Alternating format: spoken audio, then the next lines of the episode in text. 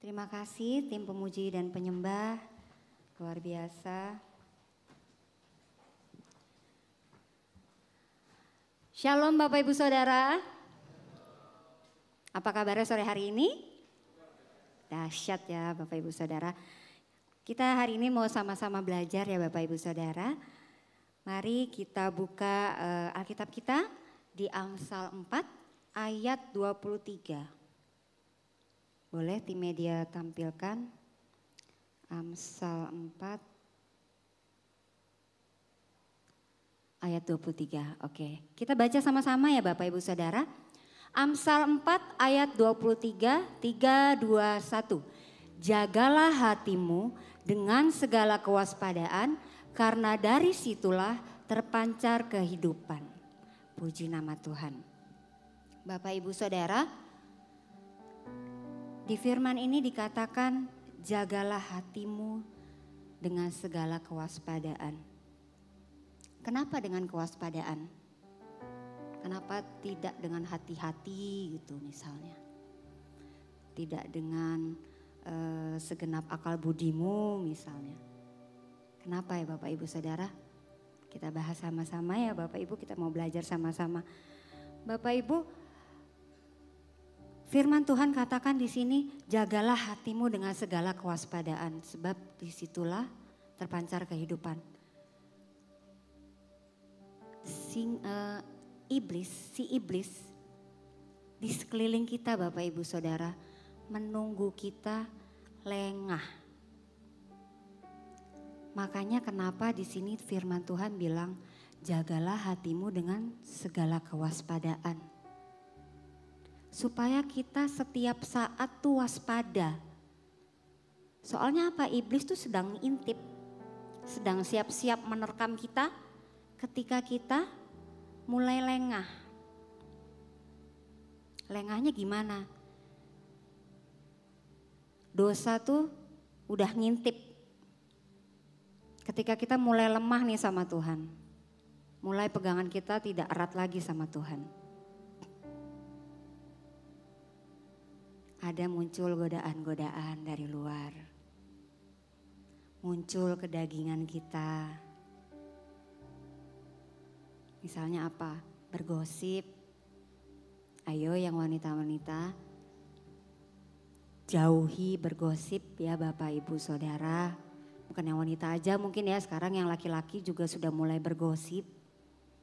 Kalau ibu-ibu mulai arisan ngumpul biasanya ada tuh selipan-selipan dikit-dikit gitu ya.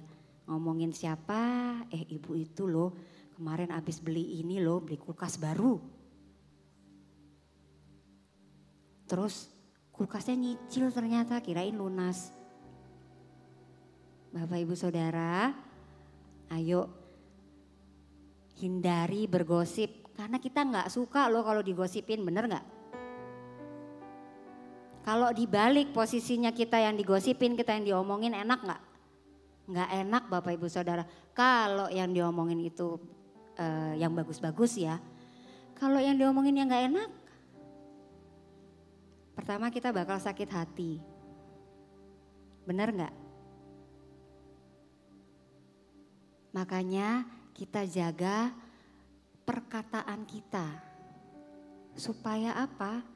Perkataan kita tuh menjadi berkat, bukan jadi batu sandungan. Kita anak-anak Tuhan diperintahkan Tuhan untuk jadi apa? Jadi berkat Bapak Ibu Saudara, bukan jadi batu sandungan. Kalau perkataannya anak-anak Tuhan sudah jadi batu sandungan, terus gunanya kita sebagai garam tuh apa? Kita bukan menggarami, tapi kita sama dengan dunia. Kita nggak bisa jadi garam. Contoh simpel aja Bapak Ibu Saudara dari perkataan kita. Kalau perkataan kita nggak kita jaga, mungkin awalnya bercanda, candaan. Tapi setiap orang memiliki batasan untuk candaan ya Bapak Ibu Saudara. Kita nggak bisa paksain orang. standar candaan kita tuh segini.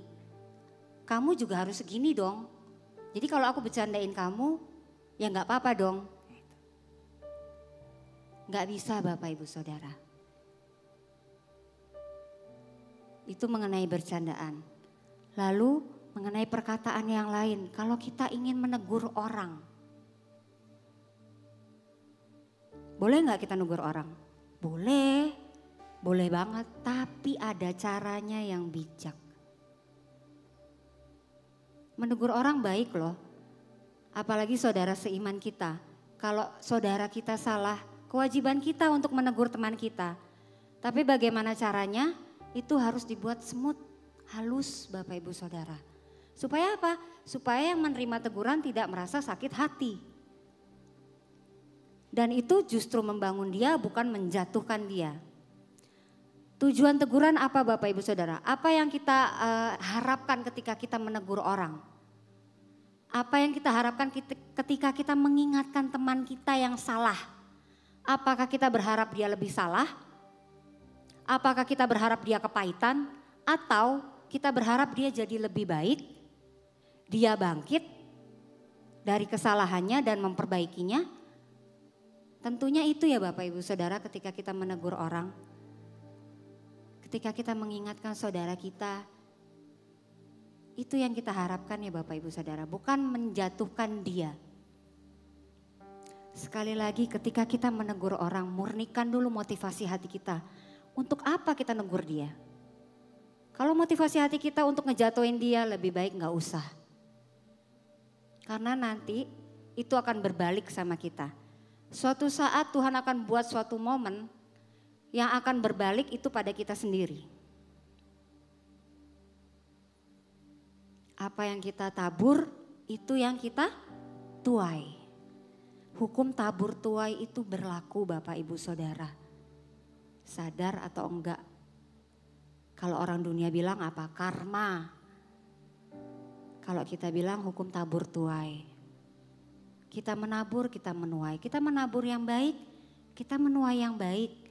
Kita menabur perkataan membangun sama orang lain, kita pun akan dibangun sama orang lain. Bapak Ibu Saudara, makanya di sini dikatakan di firman Tuhan, jagalah hatimu. Ketika kita menegur orang, Ketika kita berkata-kata kepada orang, ketika kita bercanda, kita bergurau, kita ngobrol apa pun. Mari jaga hati kita. Jangan sampai perkataan-perkataan yang tidak baik menjatuhkan, bahkan membuat orang sakit hati. Itu yang kita perkatakan sama orang lain.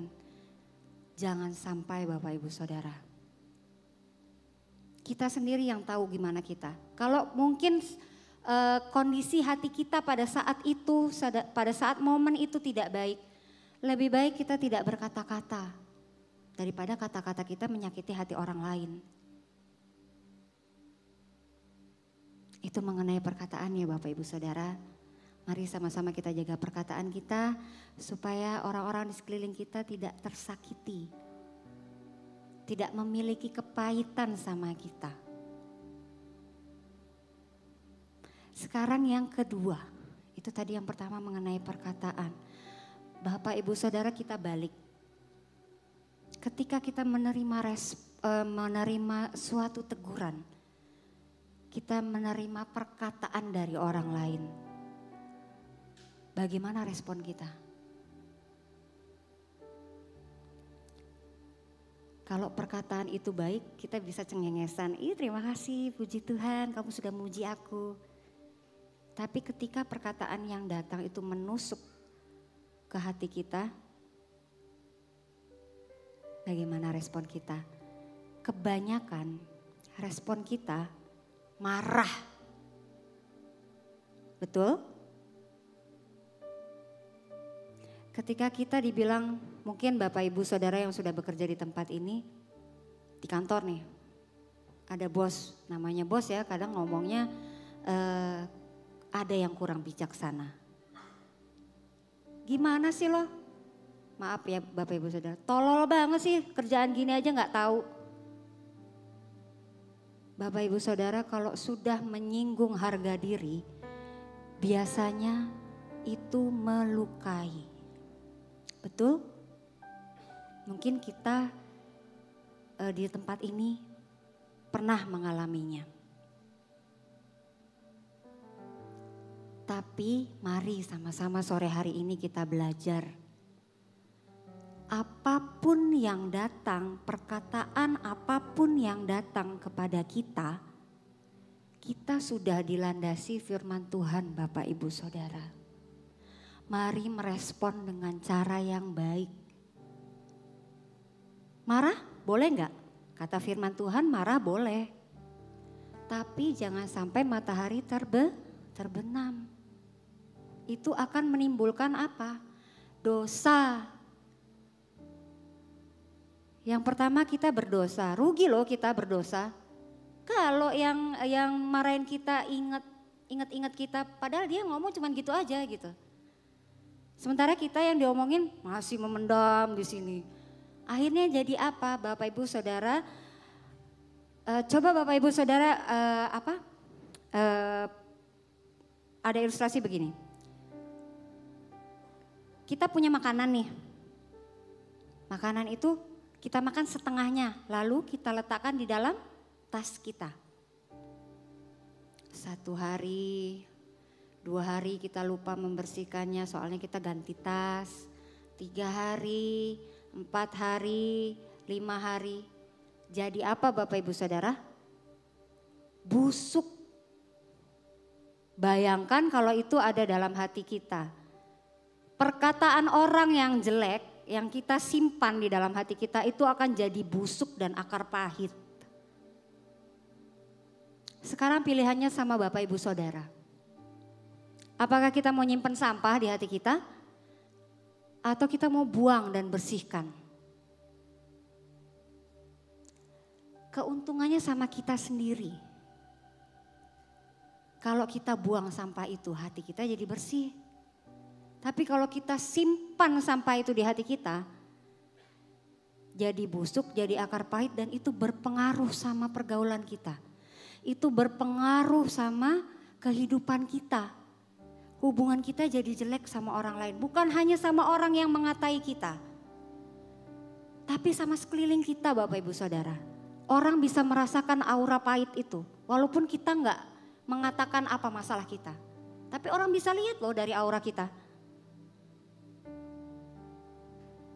Apalagi orang-orang yang dekat sama kita pasti bisa ngerasain ada perbedaan. Ketika kita punya akar pahit. Kita bukan robot ya Bapak Ibu Saudara. Tuhan ciptakan kita bukan sebagai robot. Kita punya pilihan. Pilihan itu kita yang tentukan. Tuhan hanya kasih ini yang baik, ini yang aku mau kamu lakukan, ini yang tidak boleh kamu lakukan. Kamu pilih yang mana?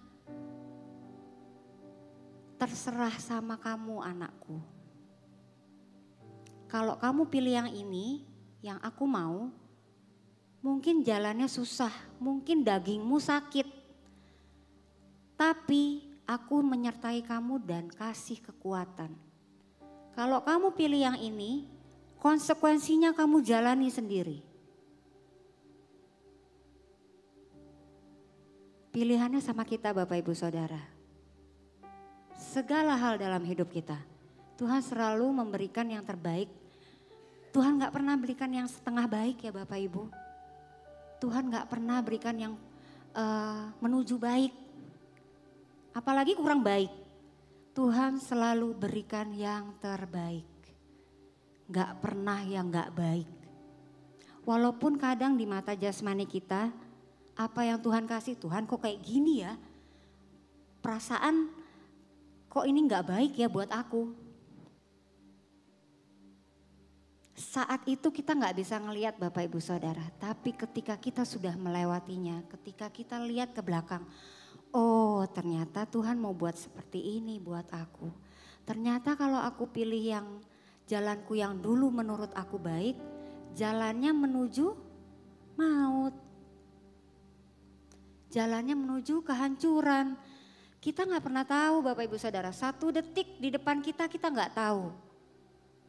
Yang rancang hidup kita siapa? Tuhan.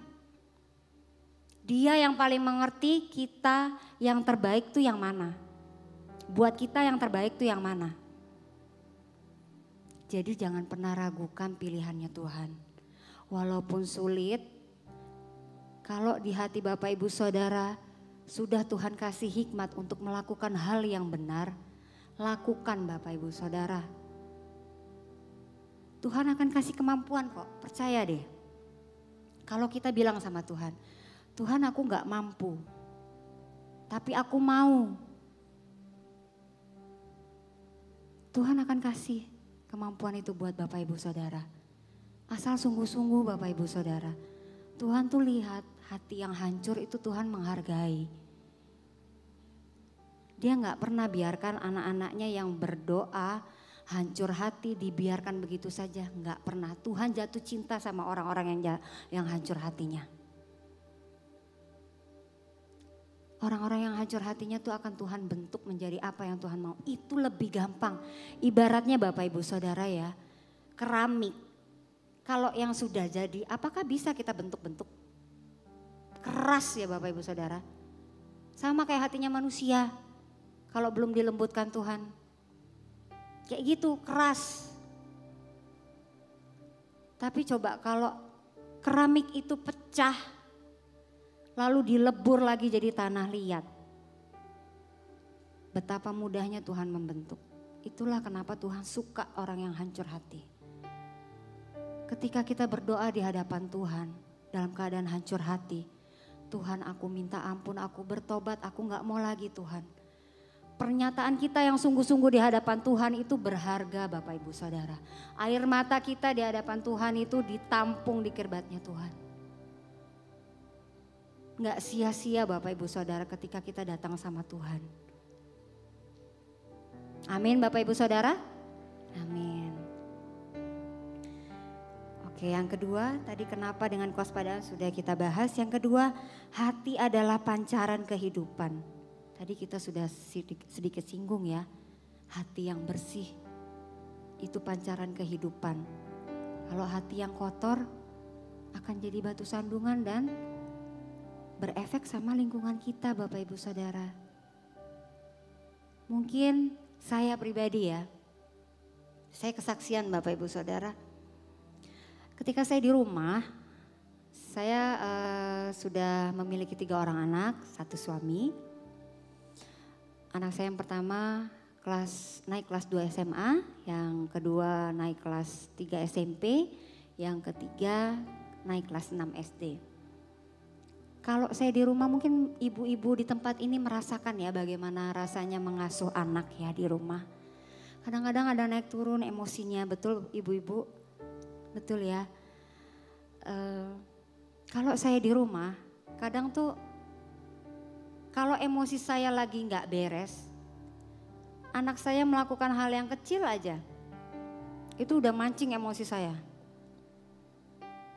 Bapak Ibu Saudara, saya berdiri di tempat ini bukan uh, bukan juga yang lebih hebat dari Bapak Ibu Saudara. Tidak Bapak Ibu Saudara. Saya juga masih manusia yang terus belajar Bapak Ibu Saudara. Saya juga sering melakukan dosa tapi sama-sama ayo kita mau bertobat setiap kali kita melakukan dosa ya Bapak Ibu. Kalau saya lagi emosi misalnya saya pulang kerja gitu. Saya guru di salah satu di PAUD milik GBI Sariwangi kalau saya pulang kerja, capek kan ya Bapak Ibu Saudara. Sampai rumah, kadang-kadang saya pengen ngelihat rumah tuh gak berantakan gitu. Nah tiba-tiba di rumah tuh berantakan, sepatu anak-anak ada di mana-mana gitu. Pulang sekolah mereka uh, sepatu taruh depan lah, kos kakinya ada di mana lah, baju lah, baju seragamnya ada di mana di lantai. Saya tuh ngeliat, aduh Tuhan, capek Tuhan. Kadang-kadang Kadang saya suka diem gitu. Tapi kadang-kadang saya lebih banyak berceloteh sih, maklum ya Bapak Ibu ya. Ibu-ibu ya biasanya kan sukanya berceloteh. jadi kadang saya suka kasihan juga sih sama anak saya. Suami saya itulah yang suka jadi uh, penengah kami gitu. Dia suka sabar mah, kamu lagi capek sabar gitu. Jadi dia, dia yang suka uh, meredakan emosi saya. Kadang suami saya bilang jangan sampai kamu nyesel apa yang sudah kamu omong ke anak-anak di saat kamu lagi capek dan marah. Betul Bapak Ibu Saudara. Kadang kalau kita lagi marah, perkataan-perkataan kita nggak terkontrol. Dan kadang itu akan kita sesali. Saya sering kali seperti itu Bapak Ibu Saudara. Ketika saya sedang marah sama anak saya, kadang-kadang saya suka mengeluarkan kata-kata ya bukan kandang binatang sih, bukan, tidak sampai sekasar itu. Cuma kadang-kadang mungkin menyakiti hati anak saya gitu. Saya ketika ketika saya melontarkan itu, saya pribadi saya tahu kalau itu menyakiti hati hati anak saya gitu. Saya masuk kamar, saya sendiri nangis Bapak Ibu Saudara. Mungkin anak saya nggak tahu ya kalau saya nangis. Bapak Ibu Saudara, mari jaga perkataan kita supaya orang-orang di sekeliling kita tidak tersakiti. Saya juga lagi belajar. Saya banget banget lagi belajar. Karena dari hati yang bersih itu, ketika hati kita bersih, sukacita kita tuh terpancar. Ketika hati kita bersih, damai sejahtera itu ada di sekeliling kita. Orang-orang bisa merasakan. Perkataan kita jadi menyenangkan, tingkah laku kita juga menyenangkan. Orang-orang diberkati dengan apa yang kita katakan. Apa yang kita katakan akan membangun orang. Ketika hati kita bersih Bapak Ibu Saudara. Tapi ketika hati kita tidak bersih, Nanti Bapak Ibu Saudara bisa buktikan apa yang akan terjadi dengan sekeliling kita ketika kita hatinya nggak bersih. Orang-orang di sekeliling kita yang akan merasakan. Dan kita pun sendiri juga akan merasakan Bapak Ibu Saudara. Betapa kita tidak damai, betapa kita tidak bersuka cita. Jadi mari kalau ada perkataan yang menusuk hati kita, buang jauh-jauh. Minta sama Tuhan kekuatan untuk kita bisa buang. Jangan turutin emosi daging Bapak Ibu Saudara. Kalau turutin emosi daging, maunya kita marah terus sama orang itu. Tapi tahu nggak Bapak Ibu Saudara, ketika Bapak Ibu Saudara biarkan itu terjadi, pikiran negatif itu semakin dalam menarik kita. Makin banyak pikiran negatifnya. Bukan hanya itu saja topiknya, Fokusnya misalnya apa? A. Nanti bisa B, bisa C, bisa D, bisa Z, sampai Z. Pikiran negatifnya. Padahal awalnya cuma satu doang itu doh. Tapi karena kita nurutin pikiran negatif kita, lama-lama itu jadi banyak. Dan itu merugikan kita sendiri Bapak Ibu Saudara. Gembala kita sering mengatakan, positive thinking, negatif thinking. Ayo kita belajar berpikir positif tentang segala hal, merespon dengan positif tentang segala hal. Jangan biarkan pikiran negatif mengendalikan kita. Seperti saya katakan di awal tadi, pilihannya ada sama kita. Kita mau punya pikiran yang negatif atau yang positif. Kita mau punya hati yang bersih atau yang kotor. Kita mau punya perkataan yang membangun atau yang menjatuhkan. Itu tergantung sama kita. Bukan sama orang lain, bukan sama Tuhan. Tuhan hanya kasih pilihan. Kita mau belajar sama-sama ya Bapak Ibu Saudara menjadi pribadi yang lebih baik bagi Tuhan. Amin. Amin. Mari kita tutup Alkitab kita. Saya undang para pemain musik WL dan singer.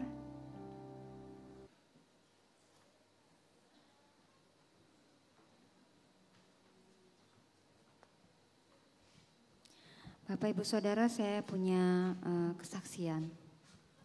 Beberapa tahun yang lalu saya kecelakaan Bapak Ibu Saudara. Jadi kecelakaan itu mengakibatkan saya masuk ke IGD dalam keadaan yang kritis. Kalau menurut uh, tim medis di IGD pada saat itu, saya uh, hampir lewat. Dulu wajah saya tidak seperti ini Bapak Ibu Saudara. Mungkin yang mengenal saya yang dulu bisa tahu ya perbedaannya. Uh, pada saat itu, pada saat kejadian anak saya yang cerita. Mujizat Tuhan yang pertama ketika saya kecelakaan adalah uh, anak saya dua-duanya tidak kenapa-napa. Mereka sehat walafiat bahasa orang tetangga kita. Sehat walafiat tidak kenapa-napa. Padahal kalau saya saat itu membawa motor Bapak Ibu Saudara dan saya pingsan di atas motor. Jadi Bapak Ibu bisa bayangkan saya pingsan di atas motor, motor itu sedang berjalan, itu menabrak pembatas jalan. Anak saya yang di depan laki-laki yang kedua, anak saya yang di belakang perempuan yang pertama. Kalau menurut logika, anak saya yang di depan itu yang laki-laki harusnya lebih hancur ya Bapak Ibu Saudara. Betul ya, karena dia di depan saya. Tapi mujizatnya anak saya nggak kenapa-napa. Ini bukti hidupnya. Dia nggak kenapa-napa Bapak Ibu Saudara. Itu mujizat Tuhan yang pertama yang Tuhan lakukan dalam hidup saya waktu saya kecelakaan. Anak saya yang pertama juga nggak kenapa-napa. Puji nama Tuhan. Lalu ketika saya dibawa uh, ke rumah sakit saya sudah ke dalam keadaan berdarah dari hidung, dari mulut, dari kuping, telinga itu darah sudah keluar semua. Uh, ini saya hancur Bapak Ibu Saudara dari batas mata sampai ke bawah itu hancur, tulangnya hancur. Jadi eh, kata dokter waktu itu muka saya itu udah kayak puzzle kalau menurut eh, mainan anak-anak. Jadi bisa dipasang gitu, bongkahan-bongkahan kecil gitu. Bapak Ibu bisa bayangkan bagaimana eh, apa keadaan saya pada waktu itu. Ketika dibawa alam bawah sadar saya eh, mengat, apa lidah saya nih mulut saya ngomong darah Yesus, darah Yesus. Sambil tangan kiri saya pegang kepala saya. Itu kata ceritanya anak saya. Saya nggak sadar Bapak Ibu Saudara, saya nggak punya memori yang itu saya nggak punya. Jadi dia yang cerita sama saya, Mama waktu dibawa ke rumah sakit, uh, Mama tuh kalau pas lagi sadar, Mama bilang darah Yesus, darah Yesus, darah Yesus. Bapak Ibu Saudara, perkataan kita itu mengandung kuasa. Jadi hati-hati berkata-kata. Perkataan saya percaya perkataan saya pada saat itu yang menyelamatkan saya. Kuasa darah Yesus bekerja pada saya pada saat itu. Waktu uh, medis bilang saya udah kritis, kemungkinan saya akan lewat pulang ke rumah Bapak itu sangat tinggi. Jadi suami saya sudah diomongin sama orang tim medis, bapak bapak bersiap-siap. Tapi bapak ibu saudara, seperti yang bapak ibu saudara lihat sekarang, saya bisa berdiri di tempat ini itu semua karena kasih anugerah Tuhan.